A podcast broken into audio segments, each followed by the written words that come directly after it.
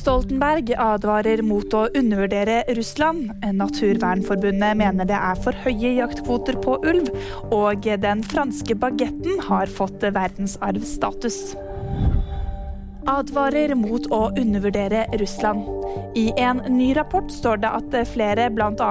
tror at Russlands krigføring er mislykket fordi den opprinnelige planen var å erobre Ukraina på ti dager.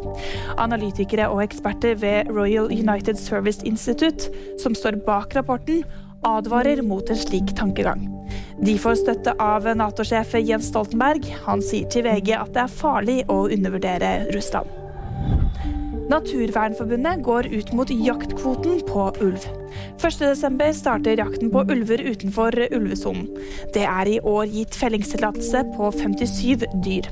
Naturvernforbundet mener en så høy kvote er skadelig for den norske ulvebestanden, og har klaget til Klima- og miljødepartementet. Den franske bagetten har fått verdensarvstatus. Den lange loffen er nå på Unescos verdensarvliste under immateriell kulturarv. Hvert år blir det bakt rundt seks milliarder bagetter i Frankrike, skriver NTB.